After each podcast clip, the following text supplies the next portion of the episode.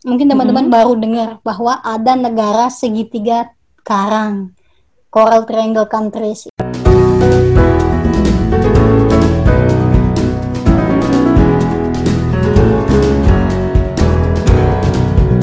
Halo Thinkers, kembali lagi di Think, podcast yang bikin kamu pintar tanpa harus mikir.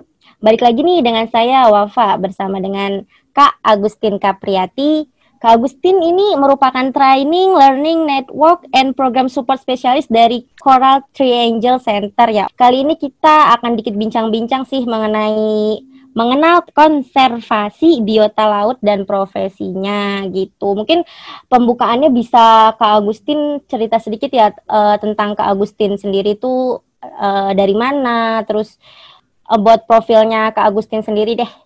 Iya, uh, teman-teman nama saya uh, Agustin Kaprayati, dipanggil hmm. Agustin. Hmm. Mungkin teman-teman kalau jangan sampai yang kenal memanggil Mbak Agus atau Tin ya, jangan sampai dipisah antara Nanti dikira cowok ya kak ya? Itu dah.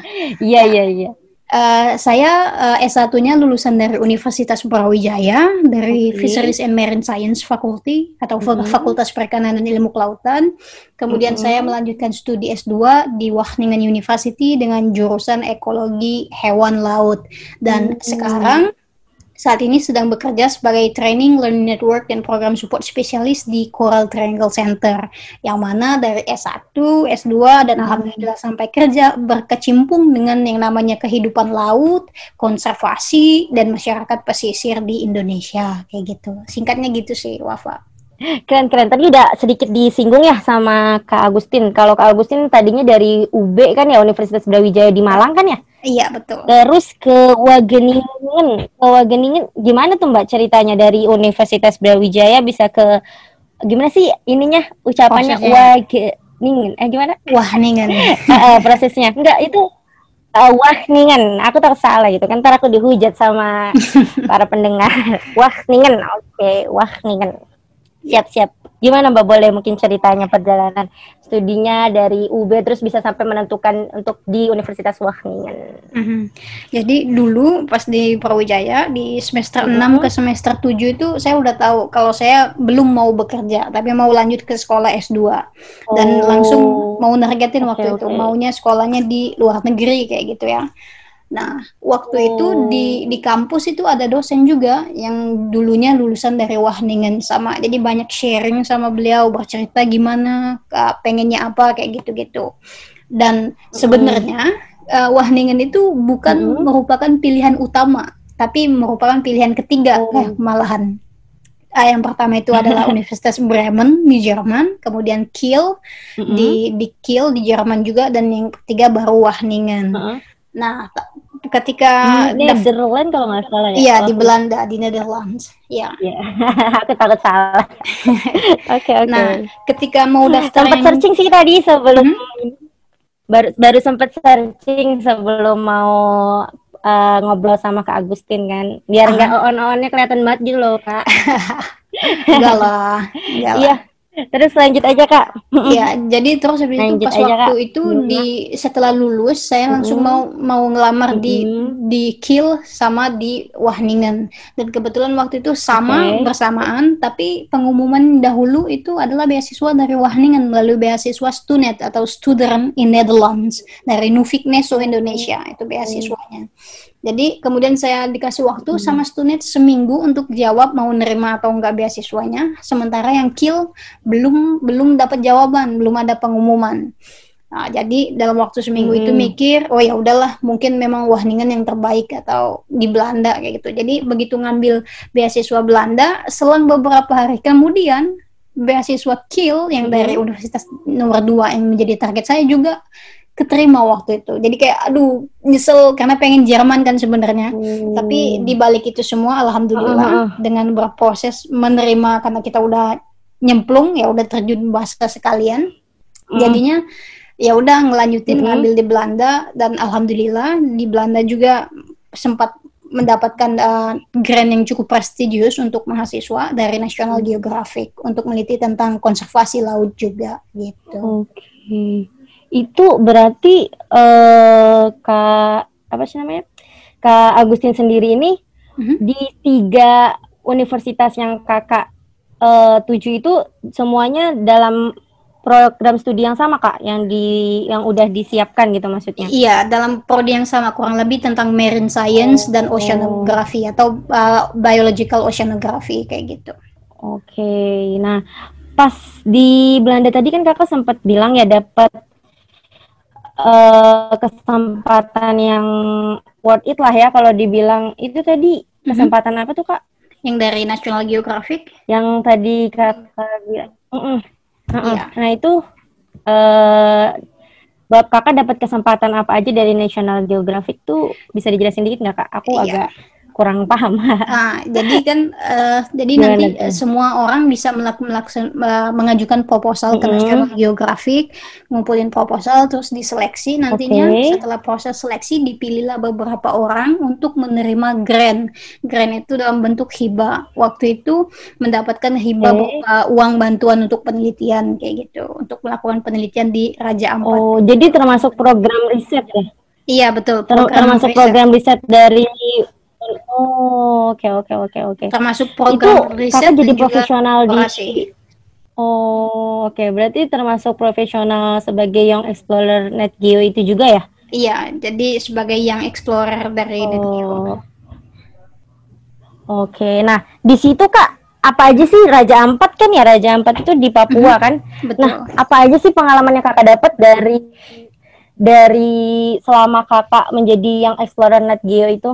Uh, ya alhamdulillah sel selama menjadi mengeksplorasi sebagai hmm. net net geo explorer itu saya banyak hmm. sekali mengeksplorasi tentang bahwa uh, sumber daya alam hayati Raja Ampat itu banyak sekali yang belum kita explore. Uh -uh. Banyak sekali yang endemik, unik dan itu hanya ditemukan di situ. Dan kebetulan uh. dalam penelitian saya itu kan tentang jellyfish, stingless uh. jellyfish atau ubur-ubur yang tidak okay. berpenyengat. Di mana Oh, ubur-ubur ya, Kak. Iya, betul. Hmm. Jadi ubur-ubur yang tidak berpenyengat ini ditemukan di dunia hanya di beberapa tempat saja. Ada di Palau, Vietnam, hmm. di Kakaban, Kalimantan, dan juga oh. ada di Ampat. Jadi ini uh, habitatnya unik, spesies yang ada di dalamnya juga unik. Jadi selama men men menjalani sebagai net geo explorer, pengalaman itu uh, ini sekali apa membantu sekali. Dan juga pengalaman lainnya adalah kalau boleh kalau boleh tahu Kak, maaf ya jadi agak nyela dikit tadi. Kalau hmm. boleh tahu uh, yang di ini kan aku orang awam nih ya. Maksudnya aku hmm. nggak hmm. terlalu tahu nih apa sih yang dibahas dari hmm. penelitian jellyfish itu. Jadi ah. dari kakak yang di, uh, men, apa observasi dari ubur-ubur itu apanya sih yang dilihat gitu? Aku pengen hmm. tahu gitu kak. Oke. Okay. Supaya teman-teman yang lain juga nggak oh ternyata kita punya sumber daya alam sehebat ini juga di Raja Ampat gitu kan. Iya. Selangka ini gitu kata kakak tadi juga kan. Iya. Apa aja sih gitu kan? Nah, di... jadi kalau biasanya kita mengenal ubur-ubur itu nyengat kan ya. Betul. Nah, tapi yang di Raja Ampat ini dia itu tidak berpenyengat. Mm -hmm. Jadi kita bisa berenang mm -hmm. di tengah ubur-ubur. Kayak gitu. Hmm. Itu yang keunikan pertama yang misalnya masyarakat awam untuk paham. Kemudian yang keunikan lainnya hmm. di dunia ini hmm. tempat yang memiliki ubur-ubur yang tidak berpenyengat itu hanya sedikit sekali. Dan Betul. itu membuat membuat membuat ubur-ubur ini menjadi unik kayak gitu. Nah, jadi misalnya oh, teman-teman nih, kayak orang-orang yang suka jalan-jalan atau traveling, biasanya mereka uh -uh. ingin menuju ke ke Kaban di Kalimantan. Oh. Kalau untuk orang-orang yang suka laut itu kebanyakan mereka mau ke Kakaban, hmm. ke Kalimantan untuk berenang sama hmm. ubur-ubur. Hmm. Dan ternyata di Raja oh. Ampat selain dari memang lautnya bagus sekali, ternyata hmm. ada juga ubur-ubur yang seperti di Pulau Kakaban. Itu saat kakak pengalaman ke situ emang uh, sebelumnya kakak udah tahu akan ada uh, apa maksudnya yang akan kakak cari itu adalah ubur-ubur tidak berpenyengat itu atau kakak seperti menemukan spesies baru di uh, kawasan situ gitu kak? Nah, sebelumnya uh, di tempat itu sudah diteliti mm -hmm. oleh dosen pembimbing saya.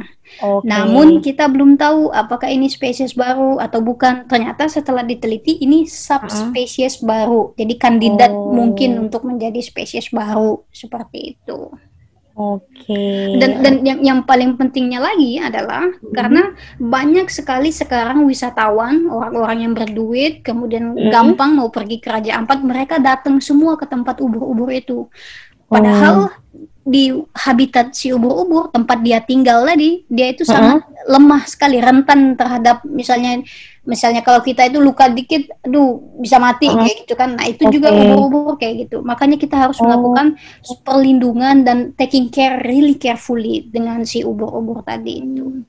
Berarti kalau itu untuk kan sebagai aset kan aset iya, wisata. ya, uh, nyinggung soal perlindungan ya yang namanya melestarikan hmm. hewan biota laut. Mungkin ada uh, keunikan tersendiri dari cara kan tadi kakak sempat bilang kalau misalnya uh, ubur-ubur yang tidak nyengat ini agak lemah.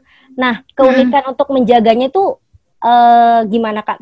supaya maksudnya supaya kita orang awam ketika kita berwisata kita akan mencegah perlakuan hmm. itu gitu misalnya. Ada nggak kak? ada ada jadi ada beberapa tips atau hmm. hal-hal hmm. yang bisa kita lakukan selaku wisatawan untuk menjaga itu tetap eksis atau tetap ada menjaganya gitu ya. Hmm. Yang pertama, kalau kita mau ke datang ke tempat ada beberapa hal yang misalnya bisa kita lakukan sebagai wisatawan agar menjaga ubur-ubur itu tetap ada atau lestari. Hmm. Yang pertama, misalnya kita mau datang ke tempat itu ke danau ubur-ubur sebelum mm-hmm. kita masuk atau terjun ke danau kita harus memastikan bahwa alat-alat yang kita gunakan misalnya baju kita itu uh, dibilas terlebih dahulu oh. dengan air bersih gitu ya nah kemudian yang kedua hindari menggunakan sunscreen kan biasanya oh. biasanya kan kita takut oh. hitam oh pakai sunscreen dulu ya kayak gitu. Nah, uh, itu sebaiknya oh. kalau kita mau datang ke danau itu sebaiknya dihindari. Hitam dikit oh. apalah bentar gitu ya. Oh. Nah.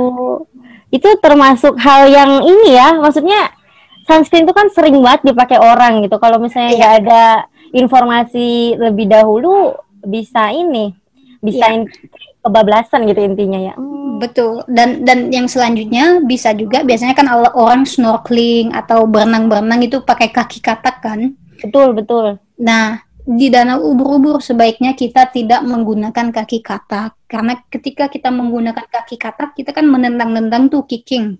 Nah, betul. Nah, itu akan kena si ubur-ubur tadi. Oh. Makanya kayak mem memper memperkecil dia biar meminimalisasi dia si ubur-ubur ini ketendang-ketendang jadi tidak usah menggunakan si uh, kaki katak gitu. yang simpelnya itu sih Oke, okay, oke, okay, oke. Okay. Uh, nice info banget sih nih. Aku juga baru pertama kali dengar ubur-ubur tidak nyengat gitu. Karena yang yang aku tahu ubur-ubur yang ada di SpongeBob, itu aja nyengat kan? Iya, yang itu kan nyengat gitu yang ada di SpongeBob. Iya. Nah, itu uh, setelah dari uh, pengalaman Net Geo itu aku hmm. dengar kan juga kakak ada pengalaman treasure shark project yaitu ketemu hiu kak.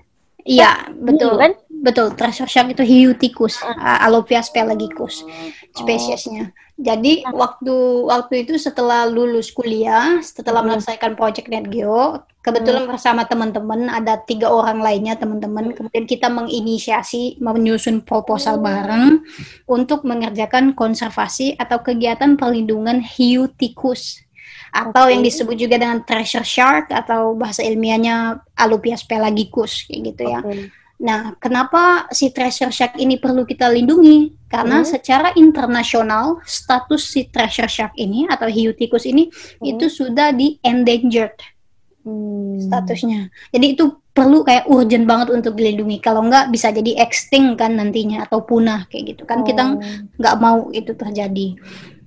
Gitu. Sebelumnya nih bedanya hi, apa hiu tikus ya tadi ya? Hmm? Hmm?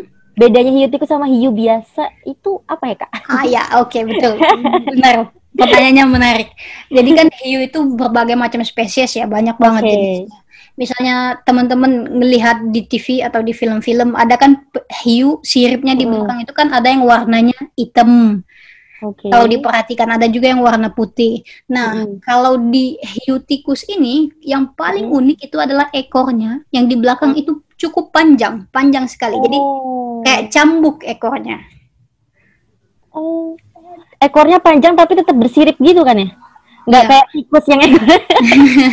nah, kalau kalau dibayangin kayak tikus, ekornya kayak ekor tikus kayak gitu. Oh, gitu-gitu. Cuma uh, belakangnya tetap ada sirip. Sirip tetap ada. Uh, gitu. Tapi okay. bagian ekornya, ekornya panjang kayak ekor tikus. Oh. Nah, ekornya tadi, ekor ini, ekor si hiu tikus ini berfungsi untuk biasanya dia kayak apa? mengepak itu kayak nampar atau apa ya? mematikan uh, oh. hewan buruannya atau makanannya kayak gitu. Jadi dia ngibas Oke oke oke. Jadi kayak salah satu alat untuk memangsa ya? Iya betul. Kurang Jadi kayak nginiin mangsanya dulu, terus udah kena kibas kayak gitu kan ya. Uh -uh. Terus mangsanya lemah dia baru makan. Alat bantunya kayak gitu. Kak, serem gak sih kayak gitu? Aku tuh, hiu sebenarnya tuh sebenarnya hiu tuh bisa makan manusia gak sih? Sebenarnya? Nah, ini ini juga gimana? ini, Karena kan kalau uh-huh. orang awam taunya hiu bisa aja makan manusia gitu, tapi kan Betul. aku nggak tahu kenyataannya kak. Ini kebanyakan nonton film hiu yang ada show kan yang kayak dia makan orang kayak gitu kan. itu sebenarnya sulit sekali dan menjadi tantangan bagi tersendiri bagi kita orang-orang kelautan atau perikanan itu untuk meyakinkan bahwa itu tuh nggak kayak gitu memang hmm. ada satu hiu yang killer shark tapi dia nggak nggak akan memakan manusia Oh. Itu, tidak memakan Kenapa tuh, Kak? Dagingnya beda ya? Gak enak ya? nah, itu kurang tahu juga tuh ya. oh, berarti selama ini kita kurang lebih dibodohi juga ya sama film-film. Karena kita kan... kebanyakan salah paham dengan okay. pemaknaan hiu itu sebagai hewan buas. Padahal enggak. Dia tuh juga sebagian beberapa, ada yang makan ikan tuna kecil-kecil atau oh. krill, ada juga yang makan plankton dan segala macam. Banyak macamnya. Oke. Okay. Gitu. Kalau hiu tikus ini sendiri makannya apa kak? Uh, hiu tikus ini sebenarnya bisa yang hewan-hewan kecil karena dia hidupnya oh. di laut dalam sebenarnya. Oh, terus berarti kakak masuk sampai ke dalam banget kak? Oh enggak, oh. enggak gitu juga. Maksudnya ada beberapa saat tertentu ketika mm air itu terlalu dingin di dalam, mm ya. Jadi misalnya semakin dalam ke laut itu kan mm airnya semakin dingin tuh. Nah kalau dia terlalu dingin, hiu ini, hiu tikus ini ada beberapa saat dia akan muncul ke permukaan. Oh. Itu nanti saat itulah baru kita tahu oh ya ada tikus ternyata atau Oh, berarti se, se maksudnya ketika kita mau observasi itu juga se memikirkan sebegitunya ya untuk kapan kita bisa yes. bertemu. Oh, keren keren ya, keren. Jadi riset awalnya tuh juga nggak abal-abal lah ya, bukan cuma travel-travel main biasa ya gitu. Ya, kalau kalau kaleng-kaleng kita nanti bisa nggak ketemu hiu tikusnya. keren sih, keren, keren, keren. Yeah. Oh, jadi pada saat lautnya lagi dingin ya di paling bawahnya itu baru bisa. Hmm, nice, nice. Nah, terus yang kemarin di ini Kak yang uh, keunikan-keunikannya dari hiu tikus sendiri itu selain punya ekor yang uh, panjang gitu, dia punya keunikan apa lagi kak? Yang uh, hiu tikus ini juga salah satunya dia traveler, dia juga oh. Penjelajah ya si hiu hmm. Jadi daerah jelajahnya hiu tikus ini bisa jauh atau bisa lintas negara. Oh. Yang seperti kita lihat itu di Alor, ya, di Alor Nusa oh. Tenggara Timur, itu bisa jadi hiu kita sudah melakukan riset itu hiu mm-hmm. tikus yang kita temukan di sana, terus kita pasang tagging atau alat uh, kayak GPS gitu ya, mm-hmm. ke hiunya. Ternyata dia udah jalan-jalan tuh ke Timur Leste, mm, oh sampai ke Timur Leste, balik ke mana? Ya itu juga salah satu hal unik sih bagi hiu menurut saya. Okay. Kemarin ketemu hiunya di mana kak ketemu? di Alor, Nusa Tenggara Timur. Oh, Oke okay, di Nusa Tenggara. Iya, tapi untuk proyek itu udah kelar setahun yang iya. lalu. Jadi oh. sekarang udah ada. Jadi saya juga udah menjadi former tim, udah nggak terlibat okay. lagi di dalamnya. Tapi untuk kegiatan Treasure Shark Indonesia tetap dijalankan hmm. sama teman-teman yang lainnya karena sekarang berkembang oh. juga dan dan itu nggak cuma ke spesies hiunya tapi juga ke oh. melibatkan masyarakat orang-orang yang menggantungkan hidupnya dengan si hiu kayak gitu. Oh orang-orang yang menggantungkan hidupnya dengan hiu. Betul. Itu maksudnya gimana tuh? Ah, Aku nggak okay. nggak dong tuh.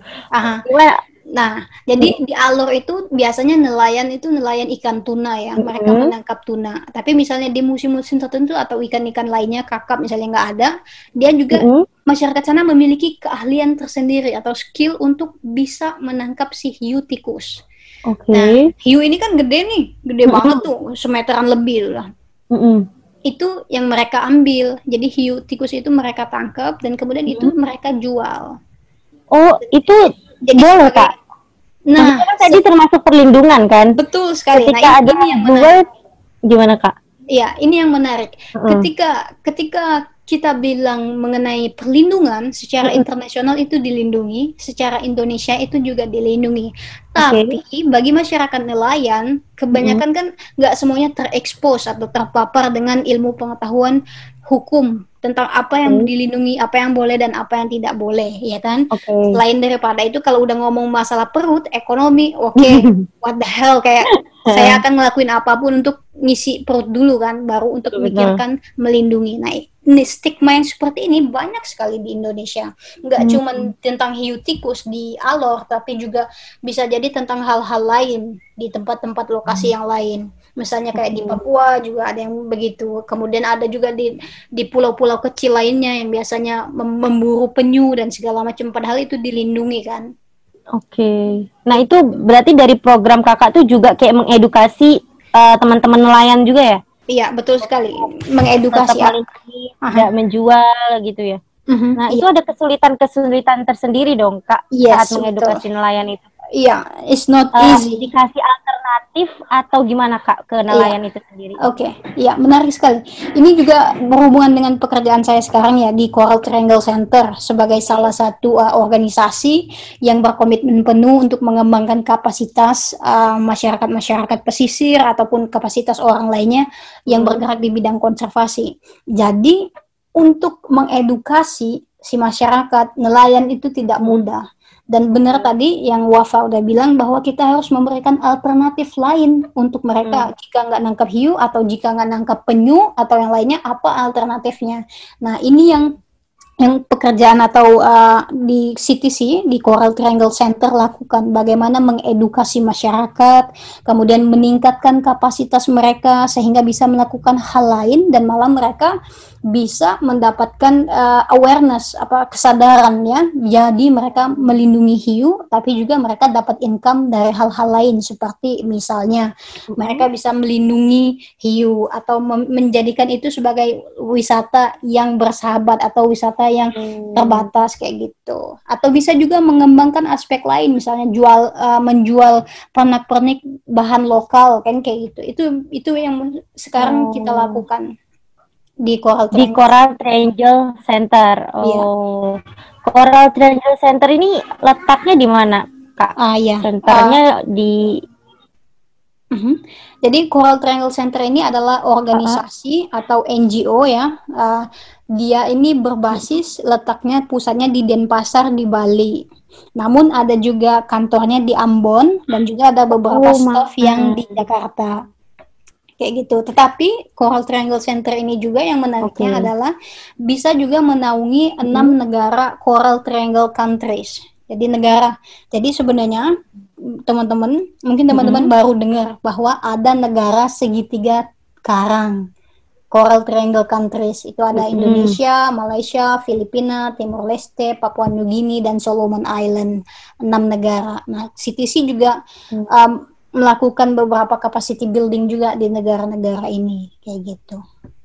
Berarti sekarang kakak CTC yang di Jakarta di atau di, mana kak? Di Ambon. Oh di Ambon. Oh ya. di iya. Dulu pas masuk oh, awal CTC nice, nice. Kalau di, di 2018 hmm. saya base-nya di Bali hmm. untuk 4 5 bulan. Oh. Saya pindah ke Ambon karena nanti di di wilayah kita sekarang kita lagi mendampingi masyarakat di Maluku dan juga Maluku Utara.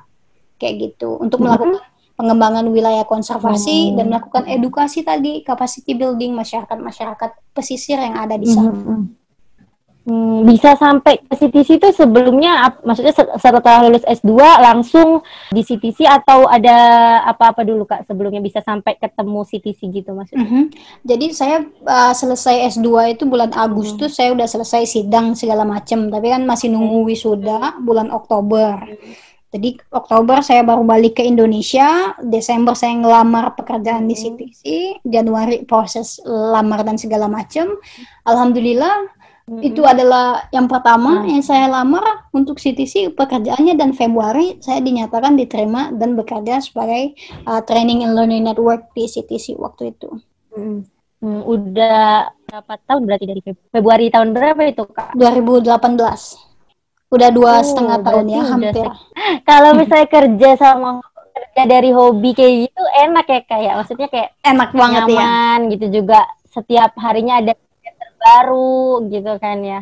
Hmm, ya. Kalau da kalau dari training ini berarti yang tugasnya me melatih dan mengedukasi orang-orang yang tadi kakak bilang itu juga ya? Iya betul. Betul nggak sih? Iya betul. Jadi tugasnya itu mengedukasi, hmm, memberikan kapasitas untuk masyarakat, masyarakat pesisir khususnya, dan juga misalnya menulis kurikulum, modul, bikin kayak gitu-gitu juga. Dan juga melakukan beberapa kali karena sekarang sebagai program kurikulum support, kurikulum tertentu. Jadi di Indonesia kan ada hmm. namanya lembaga sertifikasi profesi, ya kan? Nah kalau okay. lembaga lembaga hmm. sertifikasi profesi lembaga. untuk kelautan juga ada Oh. Ada lembaga namanya Lembaga Sertifikasi Profesi Kelautan. ada juga lembaga hmm. sertifikasi profesi kelautan perikanan. Keren ya, maksudnya ternyata se sedalam itu juga ya ternyata. Iya, iya oke, oke, betul. Jarak kurang main ya aku. ya, tapi ya, kan ya, ya, memang memang itu kurang belum, lebih belum kurikulumnya kayak gitu. Jadi kurikulumnya uh, sama kayak kurikulum. Ngebahas apa gitu maksudnya? berdasarkan uh, ya, topik berdasarkan topik. Jadi misalnya kita belajar di kuliah ya, di kuliah ada misalnya hmm. mata kuliah statistik, mata kuliah manajemen kayak gitu ya. Hmm. Nah, ini di kurikulum ini juga ada misalnya hmm. mata kuliah pengelolaan sumber daya perairan atau pengelolaan sumber daya pesisir. Hmm. Ada juga misalnya metode uh, uh, uh, transplantasi terumbu karang dan ada juga uh, basic marine ecology. Kurikulumnya sama seperti kayak kita kuliah. Jadi ada silabus, ada bahan-bahan kayak gitu-gitu. Kalau ini kayak uh, aku nih orang awam banget gitu ya. Kan mm -hmm. maksudnya kayak kurikulum kayak gitu dengan konservasi biota laut Indonesia kayak gitu. Nah, itu tuh uh, penting buat Indonesianya itu apa dan penting buat itu apa sih Kak? Kita pengen tahu gitu. Maksudnya kan itu kayak kurang-kurang ini ya. Kita masih kurang tahu mm -hmm. gitu, kurang terekspos juga mungkin yang kita lihat kan paling jejak petualang kalau soal laut-laut mm -hmm. gitu atau gimana gitu kan maksudnya apa sih pentingnya dari konservasi biota laut ini gitu? Oke, makasih. Ini pertanyaan yang sangat menarik dan dan untuk ngejelasinnya juga saya menjadi excited ya. Jadi kan Indonesia ini adalah negara kepulauan, betul? Mm, betul banget kak. Kita punya lebih dari 17.000 pulau. Mm. Dan mungkin yang teman-teman tidak banyak tahu adalah Indonesia adalah negara yang paling tinggi keanekaragaman hayati lautnya di dunia. Hmm. Coba bayangkan di dunia itu kita keanekaragaman hayatinya paling tinggi kayak gitu. Jadi hmm. bagaimana itu penting? Ya tentu penting sekali karena hmm. 60 juta penduduk di Indonesia itu tinggal di wilayah pesisir. Oke. Okay. Coba bayangin misalnya nah, uh, kita rusakin laut kita atau kita rusakin karang kita, kita cemarin dengan polusi minyak dan segala macam laut kita, 60 hmm. juta penduduk Indonesia ini gimana nasibnya? Oh ya kan? Dan itu yang nggak banyak orang tahu karena memang nggak terekspos karena yang diekspos itu masih banyak kegiatan di darat. Padahal segala sesuatu yang ada di darat atau yang kita lakukan di darat ini mempengaruhi semua yang ada di laut. Iya sih, betul. Misalnya nih, teman-teman bernafas dengan apa? Oksigen kan? Betul. Oksigen itu dihasilkan dari apa? Orang taunya cuma dihasilkan dari pohon, ya kan? Paru-paru dunia, ya kan? Iya iya iya iya Padahal yang kalau kita mau lebih detail lagi atau dari sisi lainnya, mm-hmm. laut lah adalah yang penghasil oksigen karena dia mem- yeah. membantu proses penguapan dan segala Betul. macam oksidasi dan juga alga-alga di di laut itu menghasilkan yeah. oksigen. Pelajaran SD pada pelajaran SD betul banget. Tapi kita kayak terabaikan gitu ya, padahal maksudnya laut justru yang malah bisa bikin kita hidup juga ya. Betul. Kan orang-orang kan kayak taunya itu kalau maksudnya yang terdengar gitu kan kalau tentang laut itu yang kayak digaungkan oleh hukum-hukum Indonesia itu kan paling yang Bu Susi kemarin itu kan yang tenggelamkan, tenggelamkan gitu. Tapi kalau soal untuk menjaga uh, lautnya ini baru apa ya maksudnya belum banyak terdengar lah kayak gitu kan. Mm-hmm. Paling yeah. cuma plastik-plastik, maksudnya nggak uh, cuma sih sebenarnya ini problem yang paling ini juga nggak cuma. Yang cerita kemarin iya. paus itu loh kak paus terdampar isinya plastik semua. Itu betul. sih sampai terdengar di telinga aku. Iya betul. Jadi mungkin kebanyakan yang kita tahu ini untung ya kita harus berterima kasih juga kepada Ibu Susi menteri kita yang kemarin periode sebelumnya. Karena dengan begitu setidaknya orang udah mulai paham dengan tenggelamkan kayak gitu bahwa masalah laut itu banyak hmm. sekali banyak sekali mafia-mafia di laut atau banyak sekali pelanggaran-pelanggaran hukum di laut yang memang itu harus diberantas kemudian misalnya mengenai paus yang ditemukan banyak sekali plastik ini juga mengingatkan kita bahwa hmm. yang semua kita lakukan di darat termasuk yang simple ya pakai straw plastik itu ended up atau berakhir di laut dan ketika itu berakhir di laut, misalnya plastik kresek biasa tuh, bagi hmm. penyu atau misalkan kura-kura laut ya, bagi penyu dia akan memakan ubur-ubur. Dia hmm. kan nggak bisa ngebedain nih, ini ubur-ubur atau ini plastik. Oh, dia makan semuanya. Iya, iya, iya, Ya kan? Oh my god. Kalau mau kulit ya, oh no, banyak sekali yang harus kita kita lakukan. Benahi ya gitu. Iya, ya, juga ya gitu. Ini sebagai bentuk pembenahan nih, kira-kira Kak Agustin sendiri punya planning buat jadi menteri setelah setelahnya atau gimana nih? Nah, ya itu itu, itu mah masih panjang perjalanan. Atau mau PhD dulu mungkin? Ya, insya Allah, uh, alhamdulillah kemarin 2019 kemarin sudah keterima S3 lagi untuk PhD di Wageningen lagi, kembali lagi. Oh. Uh, harusnya mulai di Agustus tahun ini, tapi karena COVID kan bencana kita tidak bisa bagaimana bagaimana. Ya, Jadi betul. insya Allah akan di, dimulai uh, Februari tahun depan. Mohon doanya juga. Iya iya. Tapi ini ya menurut aku hmm. perlu ini dari dari dari podcast ini kan insya Allah nanti teman-teman jadi uh, aware juga sama hmm. biota laut ini perlu juga ini kayak kita mencalonkan Kak Agustin sebagai Menteri Kelautan. Waduh, masih masih jauh itu mah.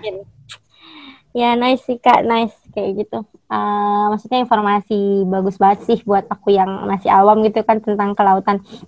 Kakak sendiri ini pertama minat di bidang kelautan itu ada inspirasinya dari mana kak? Apa maksudnya tuh uh, apa kakak dari SD, SMP hmm. itu udah udah minat kelautan atau karena kakak mungkin tinggal di pesisir atau apa nih yang bikin kakak terinspirasi hmm. untuk masuk ke dunia kelautan? Oke, okay. uh, ini menarik sebenarnya pertanyaannya. Hmm. Karena kalau dibilang tinggal di pesisir enggak jauh sekali. Karena saya tinggal di Palembang di Sekayu, Sumatera Selatan. Itu enggak ada yang namanya laut ya. Hmm. itu enggak ada yang namanya laut. Aku nah, di Tangerang juga enggak ada laut Tangerang juga enggak ada laut ya. Kayaknya. Tapi bisa ke Pulau Seribu kan dekat. Iya, Pulau Seribu. Uh, uh, nah, tapi waktu itu ketika saya saya tahu dari SD, SMP, hmm. SMA saya tahu saya suka sekali yang namanya biologi.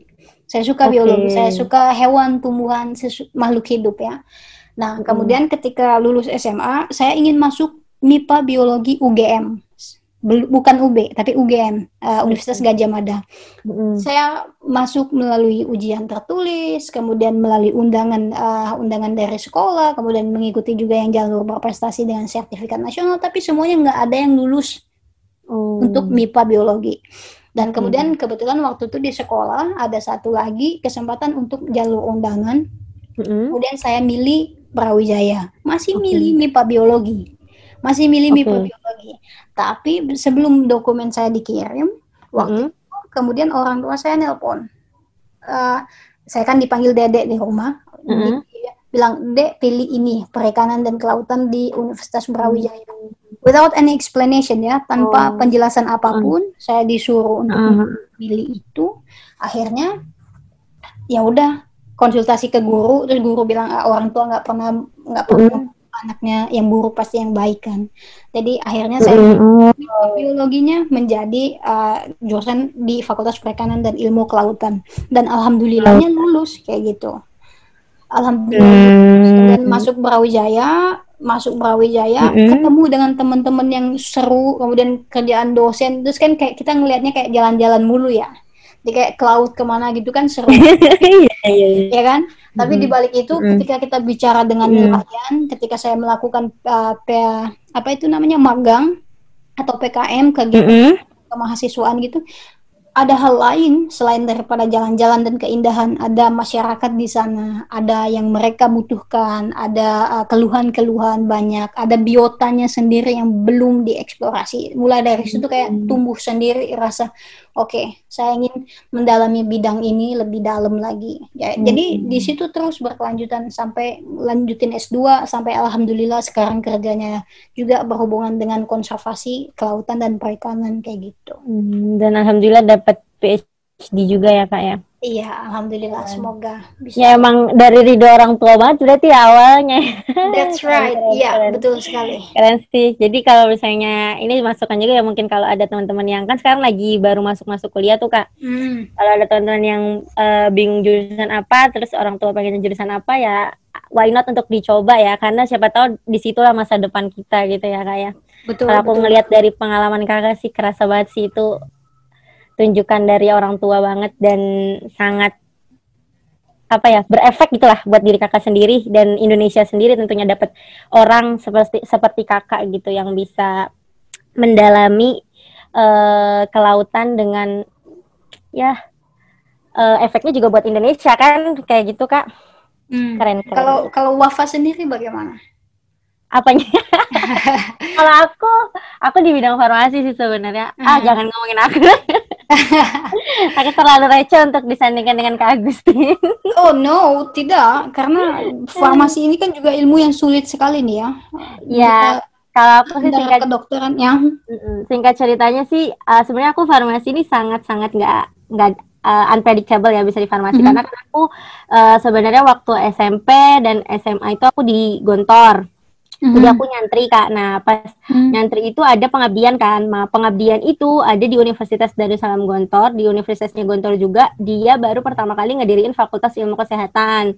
Dan uh-huh. aku kebetulan dapat ngabdi di situ dan aku uh, cuma ada dua pilihan antara farmasi dan gizi. Dan aku milih farmasi. Uh -huh. udah gitu. Jadi bener-bener uh, awalnya itu bukan dari apa ya kayak unpredictable lah kalau aku sampai bisa di farmasi. Karena sebenarnya pribadi sih sukanya sastra kan kak per pertamanya gitu. Tapi hmm. pas sudah dijalanin juga is oke okay sih. Aku juga nyaman-nyaman aja. Dan alhamdulillah sekarang juga kerja di Nanotech Natura sebagai research and development formulasi dari kosmetik-kosmetik dan herbal kayak gitu sih kak. Iya, nggak nggak banyak loh orang yang kayak gitu. Hmm, ya gitu sih kak. Alhamdulillah dapat iya. pengalaman. Alhamdulillah iya. Uh, ini makasih banget sih kak. Tadi satu lagi sih kak yang aku belum dapat. Uh, berarti kan dari semua perjalanan kakak itu the big inspirationnya itu benar-benar orang tua kakak banget ya. Betul. Orang tua, keluarga, guru, teman-teman semuanya menjadi inspirasi sih bisa dibilang. Kalau dari bidang kelautan gitu kakak punya sebuah figur nggak yang oh aku pengen kayak dia nih di bidang kelautan kayak gitu. Mungkin ada nggak? Kalau men kalau dibilang ini menjadi sebuah figur, mm-hmm. banyak sekali orang yang ingin saya ingin menjadi gitu ya. Pertama mm-hmm. kali pas saya kuliah di Brawijaya, saya ingin menjadi seperti dosen saya, seperti okay. Pak Sukandar dan juga Pak Gede. Okay. Kemudian ke kuliah, kemudian ketemu dengan beberapa, saya ingin menjadi seperti dosen pembimbing saya Lisa Baking atau hmm. sekarang kerja saya ingin menjadi seperti uh, supervisor saya Bu Hesti Widodo dan ataupun figur yang misalnya kayak dunia internasional semua orang tahu kayak gitu kan hmm. ada Sylvia Earle yang oh. oma-oma yang udah kayak uh-uh. oma-oma 83 84 tahun kayak gitu tapi dia mendedikasikan dirinya untuk hmm kelautan, untuk konservasi, untuk perikanan dan segala macam kayak gitu. Jadi misalnya nonton Net Geo atau Mission Blue dan segala macam pasti nanti ketemu dengan yang namanya Sylvia Earle kayak gitu. Oke hmm, oke okay, okay. nice nice. Tapi yang, yang yang yang yang lebih penting lagi hmm? yang kadang menjadi motivasi saya sendiri juga itu adalah ketika ketemu dengan masyarakat. Oh. Karena kadang itu unpredictable sekali. Oke okay, oke okay, I see I see. Jadi malah masyarakat yang membangun semangat teman-teman juga gitu ya kayak. Ya? Betul sekali, ya. Hmm, oke oke oke ya. Makasih banget loh Kak Agustin waktunya udah bisa ngobrol-ngobrol tentang biota laut sama gimana sih apa aja yang kita lakuin tentang biota laut ini. Uh, ada satu pesan gak Kak buat teman-teman uh, para pendengar dan semoga sampai ke seluruh Indonesia gitu dari tim CTC sendiri selaku tim CTC gitu kan kak gitu mungkin hmm. ada kesan-pesan pesan sih tapi ya. Iya, kalau kalau dari CTC saya tidak bisa hmm. mengatasnamakan CTC ya, tapi okay. kurang lebih kalau dari CTC kita itu maunya menginspirasi semua orang, baik hmm. itu anak-anak muda, orang dewasa ataupun mahasiswa sekolah segala macam untuk lebih peduli terhadap lingkungan dan juga laut kayak gitu. Oke. Okay. Tapi kalau dari saya pribadi, hmm. mungkin adalah kita harus sadar dulu hmm. bahwa Indonesia itu punya banyak sekali potensial kelautan dan perikanan. Okay. Ketika kita sadar, kita kan jadi tahu sama kayak kayak kita punya uang banyak, kita sadar harus diapain nih uang, kan harus dijaga, dikelola Betul. dan di segala macam. Begitu juga dengan laut, ketika kita tahu isinya apa aja segala macam, kita juga ingin bagaimana itu terus ada sustain atau uh, berkelanjutan secara terus menerus kayak gitu. Okay. Dan itu menjadikan kita nawacita uh, lingkungan kelautan Kementerian Kelautan dan Perikanan bahwa itu bisa menjadikan kita prosperity, kita juga bisa menjadi independen dan bisa juga hmm. menjadi uh, salah satu negara yang kaya dengan akan hmm. sumber sumber atau keanekaragaman hayati lautnya. Jadi uh, untuk semua orang juga menjaga laut itu bukan cuman dari orang-orang tertentu yang bisa ya, tapi bukan, dari kita iya. semua ya. perorangan itu sangat-sangat bisa menjaga kelautan, terutama juga dengan kita gimana menjaga lingkungan, gimana kita bisa memanfaatkan barang eh, barang-barang plastik itu pada tempatnya gitu intinya kan betul dengan betul menguranginya sekali. kayak gitu juga dan iya uh, dan juga uh, dengan melindu apa dengan gaya hidup kita yang bisa memperbaiki laut itu juga akan kembalinya ke kita karena ternyata Betul. yang akan yang sangat-sangat kita lupa adalah kita juga uh, menyadari bahwa laut itu sebenarnya adalah sumber oksigen kita. Jadi Betul. kita bisa hidup dengan adanya laut. Jadi sangat penting juga bagi kita semua buat bisa menjaga laut. Gitu ya Kak ya. Ya. Dan, Makasih dan banget Kak juga, waktunya. Mm -hmm. Dan saya juga sangat berterima kasih dengan diundangnya di sesi kali ini buat teman-teman hmm. karena merupakan kunci juga bagi kita bagaimana hmm. menyuarakan isu-isu kelautan itu menjadi bahan obrolan. Jadi nggak ngobrolin orang lain, tapi ngobrolin okay. tentang laut, menjaga yeah. lingkungan, kemudian sebisa mungkin tidak mengkonsumsi plastik sekali pakai, kayak gitu-gitu. Makasih banget atas inspirasinya today. Semoga nih sobat Tinker yang ngedengar bisa jadi sama-sama tahu ya seberapa beragamnya nih laut kita Indonesia dan seberapa pentingnya laut di Indonesia kayak gitu.